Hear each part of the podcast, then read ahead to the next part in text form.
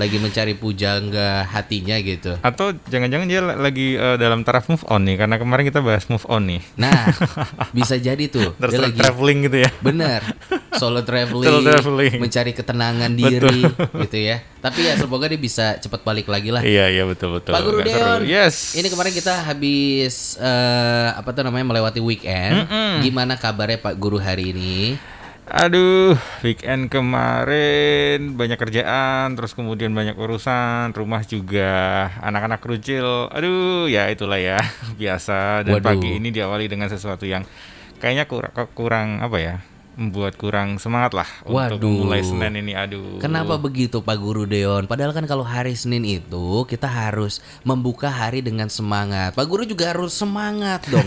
Aku yakin segala sesuatu tuh bisa dilewati asalkan kita mau Pak Guru. Oh gitu ya, harus semangat ya. Harus semangat dong. Kalau nggak mau semangat gimana dong tuh?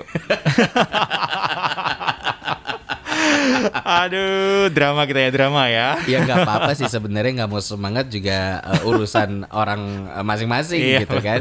Tapi Pak Guru, aku juga yang namanya untuk memulai hari dengan semangat itu kan datang dari diri sendiri ya. Kadang kalau dari orang lain sudah menyemangati, itu justru kadang-kadang yang eh, timbul di pikiranku adalah kamu kenapa sih orang aku lagi pengen didengarkan aja gitu ya kalau kesahnya tapi kok orang ini so tahu nih akan permasalahan hidup yang ayo kamu harus semangat semangat semangat Iya, semangat segala iya, iya, macam. iya. Apakah itu bentuk dari toxic ya Pak yes, Guru ya? betul. Nah, makanya kita pagi ini akan ngomongin tentang toxic positivity. Wow, apa Wah, itu? pas nih. Jadi paling gampang toxic positivity itu kayak ya kayak ini tadi barusan ketika Dito Aduh, tanya. aduh, aduh, aduh, aduh, aduh. Maaf ya Gimana? Pak Guru ya, maaf ya. Sebelumnya ini jadi toxic positivity nih. enggak, enggak. Jadi mah jadi contoh nih, jadi contoh yang bagus nih. Jadi Uh-uh. ketika misal tadi Dito tanya, "Gimana Pak Guru kabarnya?" Terus kemudian Iya. saya saya eh, apa namanya? ngomong, "Oh ya, kemarin banyak urusan, masalahnya banyak belum selesai Mm-mm, tadi pagi mm. dengan sesuatu yang kurang menyenangkan." Tapi Dito terus kemudian berusaha untuk, "Ayo dong semangat dong, pagi Iya. Senin itu harus semangat bla bla bla dan seterusnya." Iya. Nah itu kadang yang eh, sering terjadi gitu loh. Eh, Mm-mm, Sering nggak sih. Akademi Jogja ataupun Dito ketika semisal ditanya eh, temen terus kemudian pas kondisi kita sebenarnya nggak oke nih. Iya. Kondisi kita nggak Ah, nggak ah. nggak nggak 100% nih nggak nggak nggak bagus nih. Tapi kemudian eh, teman dengan semangatnya, dengan eh, apa ya jiwa motivatornya, Ah. terus kemudian muncul memberikan semangat kita, kemudian seperti kayak menyalahkan kalau kita lagi dalam kondisi nggak oke. Nah, itu itu itu itu benar-benar. Sebenarnya maksudnya baik ya. Sebenarnya maksudnya baik betul. Si teman Sebenarnya ini ingin menyemangati, ayo you can do it. Yes. Kamu bisa melalui itu. Iya. Dan yang namanya toxic positivity ini kan sebenarnya namanya baru muncul baru-baru ini tuh Iya, Pak Guru. iya, itu betul. kenapa sih sebenarnya bisa muncul toxic positivity? Iya. Orang jadi berpikiran segala eh, sesuatu yang orang berikan maksudnya bertujuan untuk menyemangati, Mm-mm, tapi nggak ter nggak selalu ternyata untuk bisa menyemangati orang tersebut gitu. Iya, karena memang dasarnya eh, budaya kita akhir-akhir ini, bukan akhir-akhir ini sih, 5-10 tahun ke, ke belakang ini ngomongin tentang, eh, ayo dong jadi orang tuh harus positif gitu kan. Iya. Jadi orang harus positif. Jadi positif itu bagus, tetapi eh, menekan emosi supaya kelihatan positif, Heeh. itu yang beracun. Nah, itu itu itu. yang itu. tadi ketika semisal eh, lagi apa, aduh lagi banyak masalah nih, lagi diputus pacar nih, lagi gini lagi nih yang yang arahnya negatif, terus Mm-mm. kemudian banyak orang mengatakan, ayo dong eh, yang positif aja, positif Iya. thinking, Heeh. terus kemudian stay positif. Ah. Nah, itu yang kemudian membuat orang-orang itu berpikir bahwa oh menjadi negatif atau berpikiran negatif atau berpikiran jelek itu jahat ya atau Iya. jelek gitu ya. Heeh. Dan itu nggak boleh gitu ya. Dan dan kemudian ketika kita berpikiran eh, lagi kondisi yang tidak oke itu kita kayak jadi merasa bersalah. Oh iya iya iya. iya. Karena ketika saya cerita tentang kondisi saya yang nggak oke, takut dijudge itu tadi. Nah, benar benar benar. Jadi Padahal takut. sebenarnya nggak ada masalah dan Oke. dan mungkin eh, apa ya toxic positivity ini muncul ketika semisal ada kemarin saya ngobrol dengan salah satu mentor saya namanya Pak Antoni Martin ya Pak Ah. Martin di Jakarta beliau eh, salah satu best EQ trainer kecerdasan emosi yang paling oke lah Heeh. terus kemudian saya ngomong Pak bedanya tentang toxic positivity dengan psikologi positif apa Nah. karena waktu itu di di grup di grup kami lagi bahas tentang psikologi positif Ya. bahwa eh, ayo dong positif segala macam terus saya saya wah ini menarik nih karena hari ini kita mau ngomongin tentang toxic positivity saya langsung tanya ke sumbernya nih ke ahlinya yang ke ahli kecerdasan emosi Mm-mm. Terus beliau ngomong oh agak beda bukan agak beda beda banget gitu karena gini kalau ngomongin tentang apa namanya psikologi positif itu eh, dulu di diawali dengan jadi kalau kalau dulu semisal kita dengar kata psikologi atau psikolog, Ah, itu ah. kesannya apa sih? Kesannya kalau kita mendengarkan kata psikolog ya, Mm-mm. berarti kita lagi gila. Iya betul sakit mental, gila, sakit mental. ada masalah, bener nggak? Ah, Bener.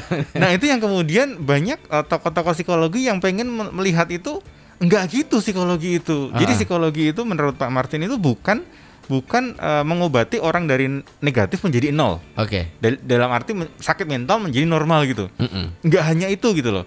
Eh, kemudian nah itu muncul eh, psikologi positif yang sebenarnya kita belajar psikologi bukan hanya mengobati tetapi membuat orang jadi lebih oke. Oke. Jadi semisal kita orang yang baik-baik saja netral tuh di nol ah. kita kan bisa jadi plus dengan mempela- mempelajari psikologi. benar, benar. Nah, itu psikologi positif. Nah, masalahnya kemudian banyak orang yang kemudian me- menerima mentah-mentah tuh Mm-mm. yang namanya psikologi positif yang kemudian mengafirmasi orang, memberi semangat orang. Mm-mm. Nah, menjadi toksik ketika kita nggak tahu bahwa latar belakang orang itu kenapa sih dia lagi nggak nggak nggak nggak nggak fit gitu? Kenapa sih dia lagi nggak semangat? Kenapa sih dia lagi sedih?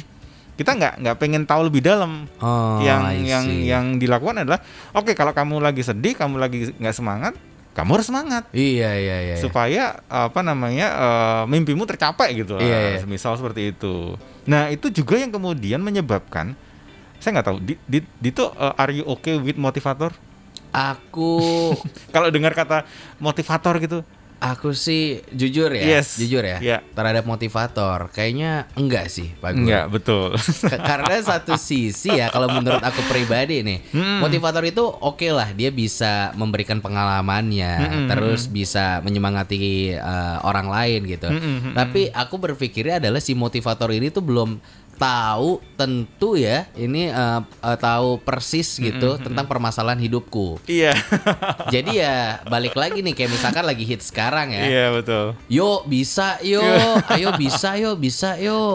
Padahal kita dalam hati udah bilang ya udah nggak bisa Iya, ini. iya, Masalahnya iya. mau dipaksain juga nggak bisa. Kenapa harus Betul. bisa sih? yes Gitu.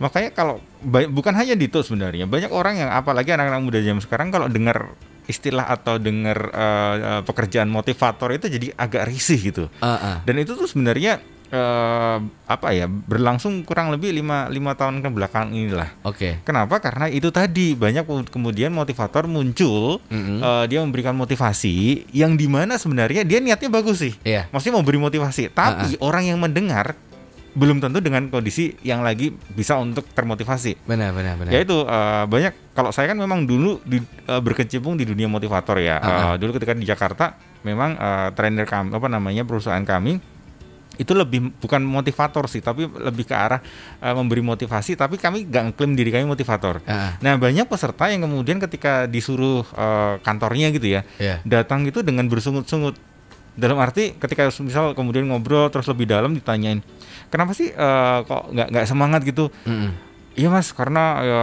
ini kata perusahaan kami apa ikut seminar motivasi dan nanti Hmm. ada motivatornya yang oke. Terus emang kenapa kok eh, dengan motivator dengan motivasi?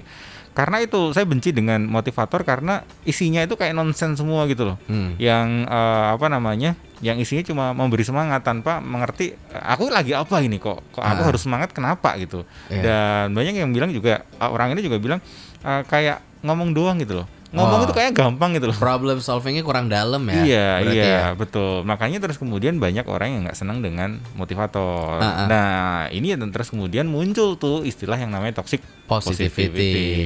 Anda harus bisa. Iya. Saya yakin Anda akan berubah dua tahun lagi. Kalau saya bisa, Anda harus bisa. iya, saya aja bisa. Kenapa Anda Iya. tidak bisa gitu kan? Betul. Ketika Nah, kita udah menjalani apa yang dikatakan motivator itu dan tidak berhasil, Hmm, akhirnya menjadi wujudnya kecewa betul, gitu. betul, betul. Kadang kan betul. kayak gitu ya Pak Guru Iya, ya. iya. Dan eh, apalagi nih kalau semisal Akademi Jogja ada di Jogja dan sekitarnya dan asli orang Jawa gitu ya. Biasanya orang Jawa itu eh, ini nggak semua ya. Orang Jawa itu kayak memegang prinsip untung. Oke, apa tuh? Tahu nggak sih, semisal kita kecelakaan nih, apin-apin yang Ah, ah. kecelakaan tabrakan motor gitu ya. Ah, ah. Terus kamu kenapa? Oh nggak apa-apa. Oh ya untung ya, apa namanya? Yang rusak Oh. cuma motornya gitu. untung ya yang patah cuma kaki kiri gitu.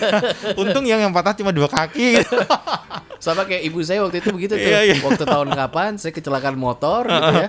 Tapi alhamdulillah baik-baik aja. Kita telepon mah habis kecelakaan motor. Lah terus motornya rusak. Yang ditanya motornya dulu. motornya rusak. Baru kedua, baru kamu nggak apa-apa kan Dito? Iya, iya, kayak iya, gitu. iya, iya. Kok motornya dulu di segala macam. Aduh, Bener. aduh, aduh, aduh. Benar aduh. ya itu orang-orang orang Jawa itu uh, memegang prinsip yaitu bersyukur terus. Yang penting ada untungnya gitu loh. Ah, ah. Melihat dari uh, sudut pandangnya oke. Ya Oke. itu bagus. Cuman kalau kebanyakan yang akan jadi toxic positivity. Nah, ini seru nih Akademia Jogja. Hari ini kita lagi ngebahas toxic positivity. Nanti kita bakal tanya-tanya lebih lanjut sama Pak Guru Deon. Jadi seharusnya kita gimana sih untuk agar eh, terhindar gitu ya namanya toxic positivity. Dan kita nggak menyalahkan motivator tadi ya Pak Guru ya. Yes betul. Karena saya juga dulu di situ. Betul. Mungkin menjadi pembahasan adalah bagaimana kita bisa menjadi motivator tapi tanpa toxic positivity, Yes. ya kan? Kita bisa mendalami lagi. Nah, kalau Akademia Jogja juga penga- eh, punya pengalaman gitu ya mengenai toxic positivity ini, mungkin baru-baru aja nih teman kamu ada yang sotoy-sotoy gitu menyemangati kamu tanpa mereka tahu persis masalah kamu. Boleh dong ceritain ke WhatsApp Suara Gama FM di 0811 250 1017 dan Your Friends in the Morning di Sekolah Senin bakal balik lagi setelah yang satu ini. Selamat pagi. Your friends in the morning. Plex Wisma Kagama Blok G Yogyakarta Your Friends in the Morning. Di Tosa Anda yang gak sendirian lagi di hari Senin ini ya Ada Pak Guru Deon yang sudah menemani Pak Guru. Hai hai. Yang hari ini katanya lagi bad mood banget ya menyambut hari Seninnya Emang kenapa sih Pak Guru boleh kalau boleh tahu nih hari Seninnya Enggak, tadi kan drama. Cuma pengen tahu aja responnya Dito kayak apa. Ternyata respon saya malah kekiin ya Iya. Gengges banget ngeganggu gitu Toxic positivity Akademia Jogja Dan itu cukup membuktikan bahwa kayaknya hampir semua dari kita kalau semisal melihat sesuatu yang eh, kurang semangat itu pengen banget untuk memberi semangat gitu Yes, ya. Ya yes. niatnya memang baik, ya. niatnya memang baik sih. Ah, ah. Pengen menjadi orang yang berharga untuk lingkungannya ya kan betul, betul, betul. Nah, ngomongin tentang toxic positivity tuh kalau tadi ngomongin tentang apa namanya eh contoh motivator gitu ya Ah, yang ah. kenapa sih sekarang banyak orang yang kemudian melihat satu satu mata gitu dalam Ah, ah. arti nggak se nggak se hype dulu berapa 15 tahun yang lalu ketika Iya. semisal eh, ada tokoh-tokoh motivator yang muncul setiap Ah, ah. hari minggu gitu ya Ah, ah. Itu kan hype banget itu orang kayak wow berduyun-duyun untuk mendengarkan motivasi gitu. Ah. Cuman berjalannya waktu ya karena tadi banyak orang yang eh, atau banyak motivator yang kemudian eh, memberikan motivasi niatnya baik. Cuman ketika orang mendengar eh, merasa dia nggak tahu tentang kondisiku kok aku harus seperti itu. Mm-mm. Nah ada satu contoh lagi nih. Mungkin eh, beberapa eh, akademi Jogja yang cukup senior mungkin tahu dengan satu film ini, bukan film sih serial. Mm-mm. Jadi ada sebuah serial eh, judulnya tuh Desperate Housewife. Oke. Jadi Desperate Housewife nggak tahu Dito tau nggak sih? Eh, itu zaman Pak Guru Iya. muda ya, kayaknya Iya, iya, seriesnya iya, ya. iya, iya. Tapi mungkin bisa aku jadi rekomendasikan Iya, untuk boleh tuh. Akademia Jogja juga menonton film itu ya. yes. Jadi ini ini ini ini bukan dari eh, eh, Korea ya, ini Ah, ah. dari Amerika. Ini Oke. dulu kelasnya apa ya? Se, se, se- ada ada Friends. Oh Friends aku tahu. Tahu ya, terus Tahu. ada Sex in the City. Tahu, Nah, aku. ini Ah. juga juga salah satu yang seangkatan lah. Oke. Nah, film ini eh, serial ini tuh sebenarnya ngangkatin ngangkat tentang cerita tentang eh, ibu-ibu rumah tangga ah. yang ah. single fighter gitu loh. Oke. yang sudah berpisah dengan suaminya, entah suaminya meninggal, entah cerai segala macam. Tapi ada satu tokoh ya eh, namanya itu Bre, satu karakter ini namanya Bre. Bre itu seorang Jawa yang suami pertamanya itu meninggal. Ah. Terus kemudian dia menikah dan ketika menikah eh, pernikahannya ternyata nggak berjalan dengan lancar dan akhirnya mereka cerai itu. Nah, ketika cerai Terus kemudian anaknya si Bre ini Mhm. eh, ternyata hamil di luar nikah dan hamil muda, Oke. bukan hamil muda, hamil di bawah umur lah Ah, hamil di bawah umur. Terus kemudian eh, si Bre ini juga punya usaha dan Mm. usahanya itu gagal total dan dia bangkrut. Oke. Tapi yang menarik adalah teman-temannya si Bre ini dan anaknya dan orang-orang sekitar lah melihat Bre ini adalah sosok orang yang wanita yang tangguh sekali, Oke. yang keren sekali. Karena di tempat dengan masalah sebesar itu, se- sebanyak itu, Mm-mm. dia masih terlihat tough gitu, terlihat Oke. tangguh, terlihat Kuat terlihat ya. kuat gitu. Ah, ah. Tapi yang terjadi ada satu titik di mana akhirnya dia roboh juga. Dan Oke. ketika dia roboh, larinya adalah ke alkohol gitu. Oh, jadi Yes. bad life ya nih ya. Betul. Larinya ke mana-mana nih. Iya, makanya nah itu yang disebut dengan toxic positivity. Ketika kita melihat uh, ada orang yang lagi down gitu terus kemudian kita Ah, ah. memberi semangat dan akhirnya dia mer- merasa bahwa oke, kalau aku down, aku nggak boleh down ini. Aku harus Ah, ah. semangat. Yang terjadi adalah dia nutupin emosinya. Cari cara ya. Iya, dia menutupi Ah, ah. emosinya, emosi yang orang kata negatif itu ah. dengan menunjukkan sisi emosi yang positif. Oke.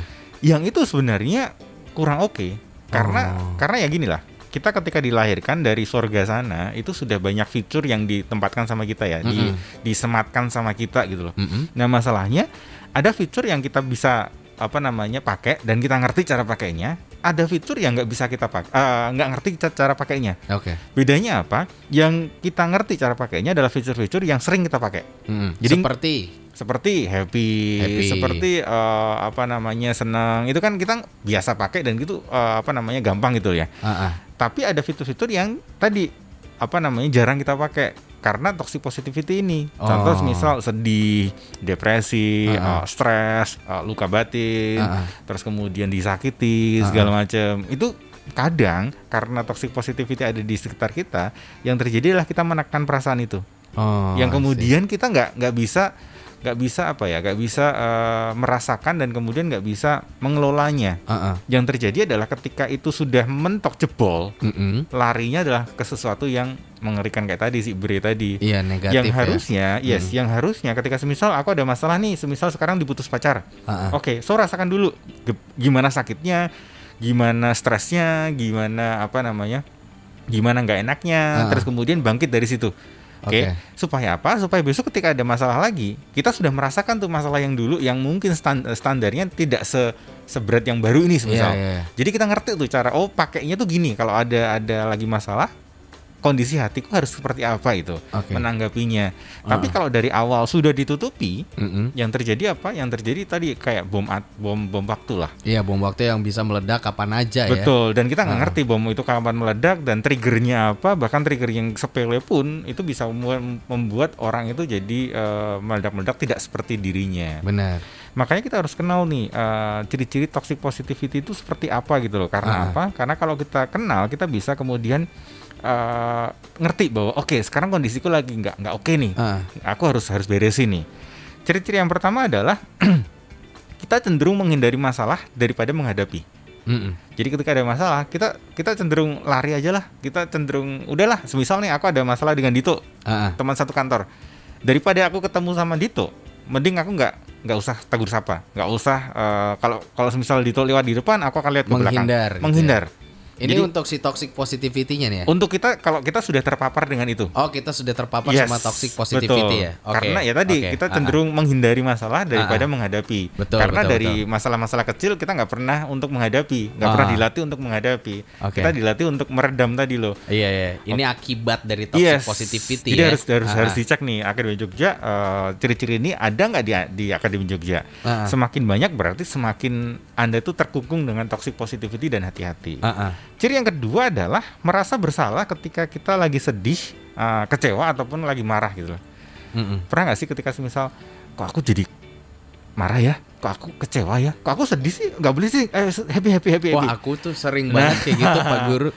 Nah itu yang hati-hati. Jadi Mm-mm. kita kayak merasa bersalah ketika kita merasa sedih.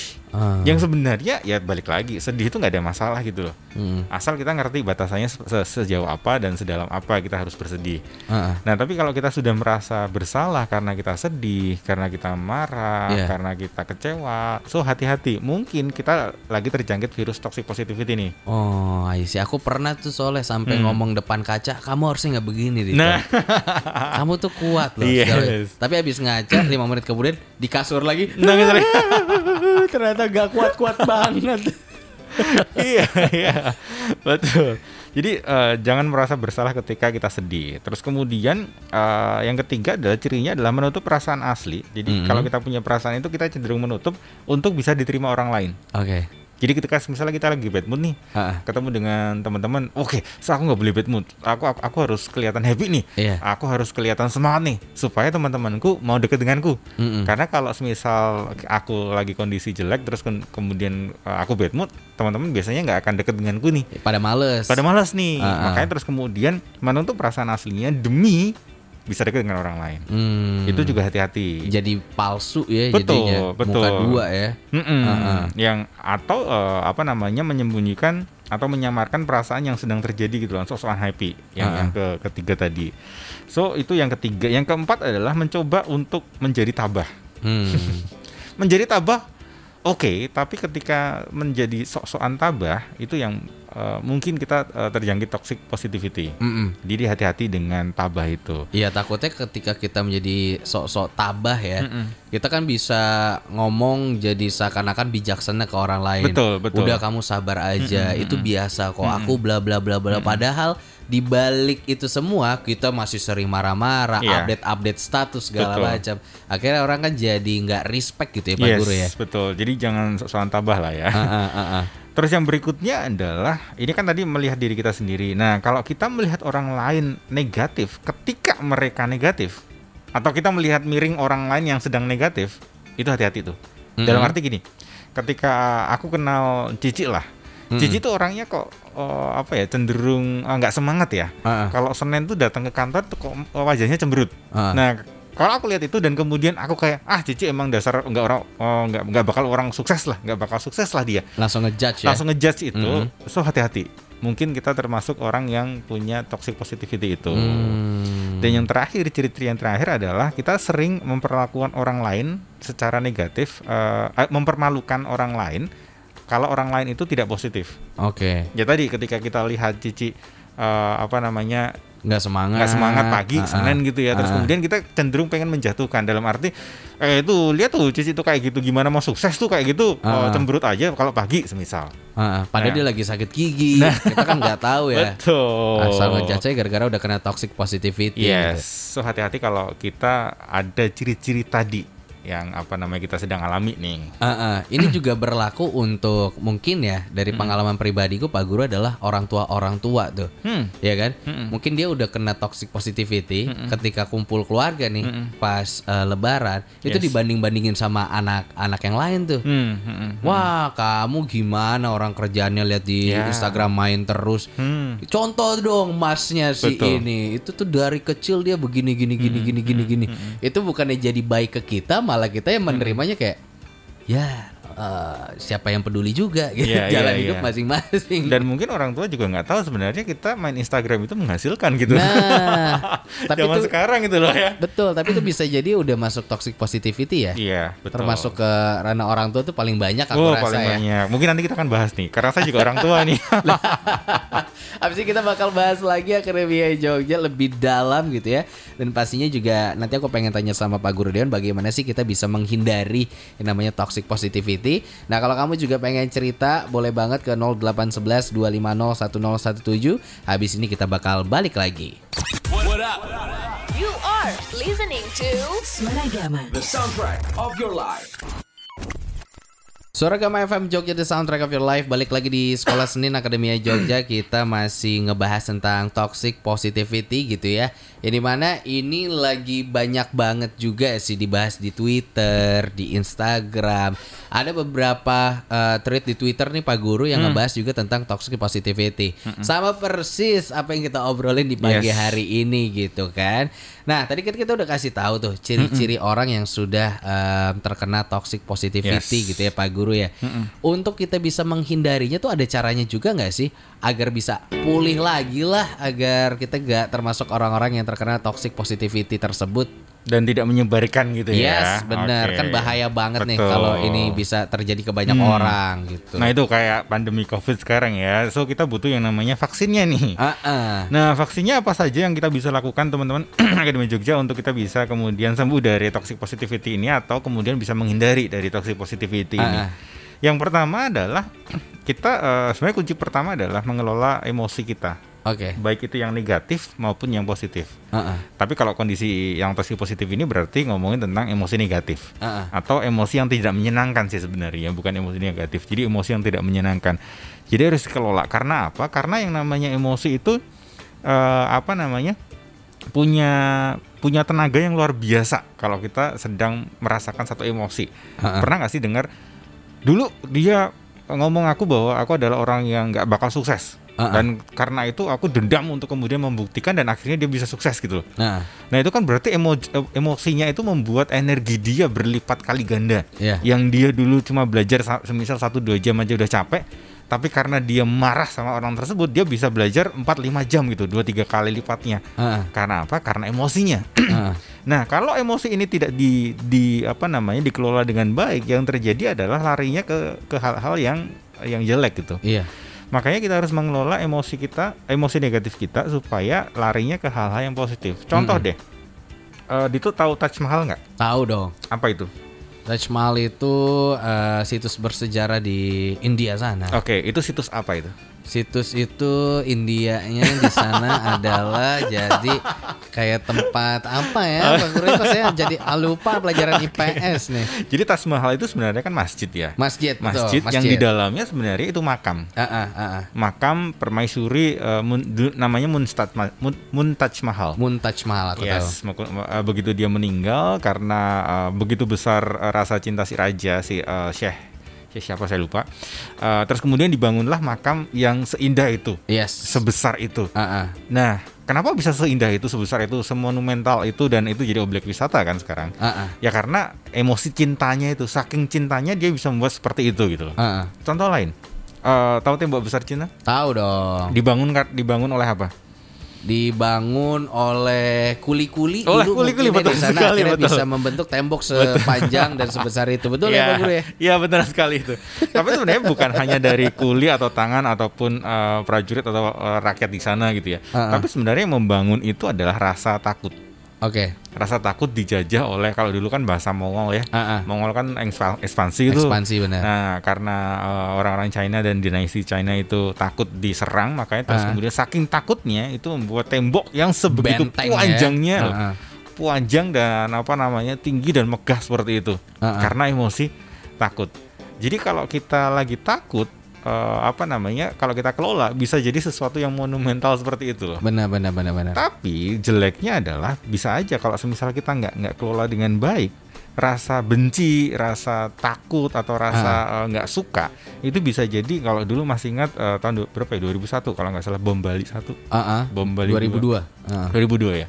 Itu kan yang menyebabkan bukan karena eh, ada orang teroris, sebenarnya nggak itu, tapi karena ada emosi benci gitu Iya. saking bencinya dia terhadap orang lain atau ses- eh, apa namanya suku atau agama yang lain yang Ah. terjadi adalah dia sampai bisa melakukan hal seperti itu. Ah. Nah, Hal itu has- nekat itu ya. Iya betul. Mm. Dia mati loh. Mati bukan hanya bukan hanya mati tapi mati dengan membunuh orang lain itu kan Hal yang hal sangat yang terkutuk, terkutuk sekali gitu loh. Mm. Nah, itu yang disebabkan karena emosi negatif yang kemudian dia tidak kelola dengan baik. Iya. So, hal yang pertama adalah kelola emosi negatif dengan baik.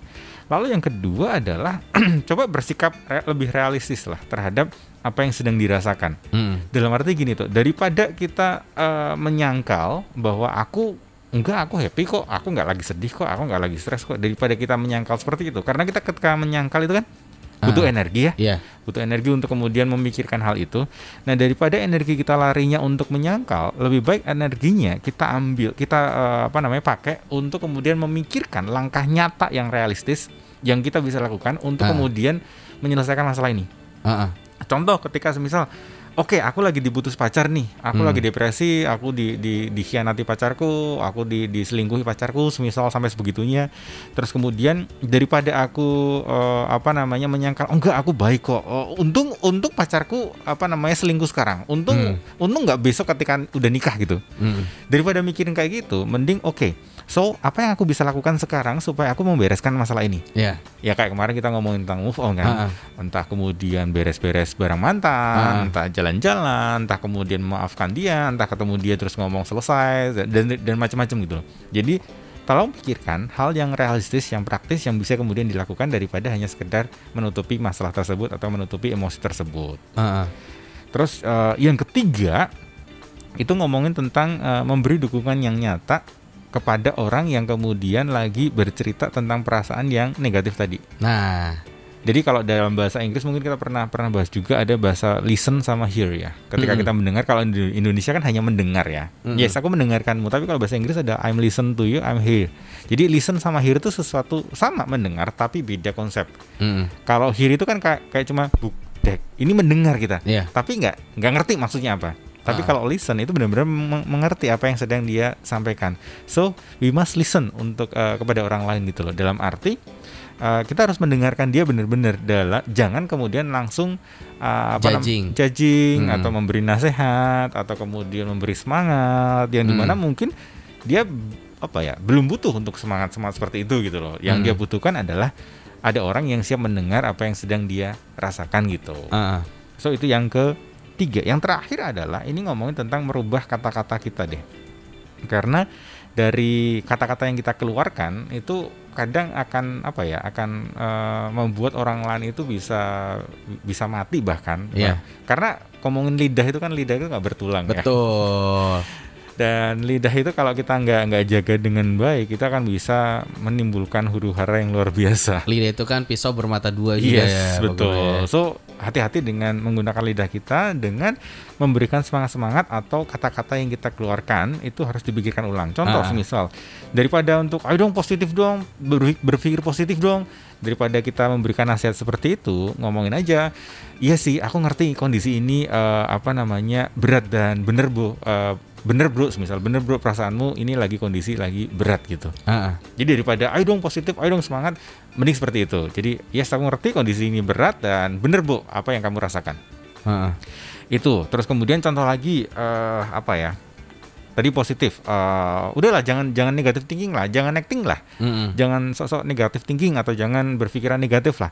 Daripada eh, seperti itu, bilang aja it's okay untuk saat ini eh, kita ngomongin tentang eh, it's okay lah saat ini berpikiran negatif dulu. Mm-mm. Karena kalau ngomongin berpikir negatif itu kan sebenarnya juga ada fungsinya gitu, Mm-mm. ya kan? Kenapa kita nggak nggak pernah berpikir eh, negatif? Karena kita nggak nggak ngerti fungsinya. Kenapa kita nggak ngerti fungsinya? Karena kita nggak pernah pakai. Iya. Kayak tadi yang awal. Kalau ngomongin tentang berpikir negatif, ada nggak sih fungsinya?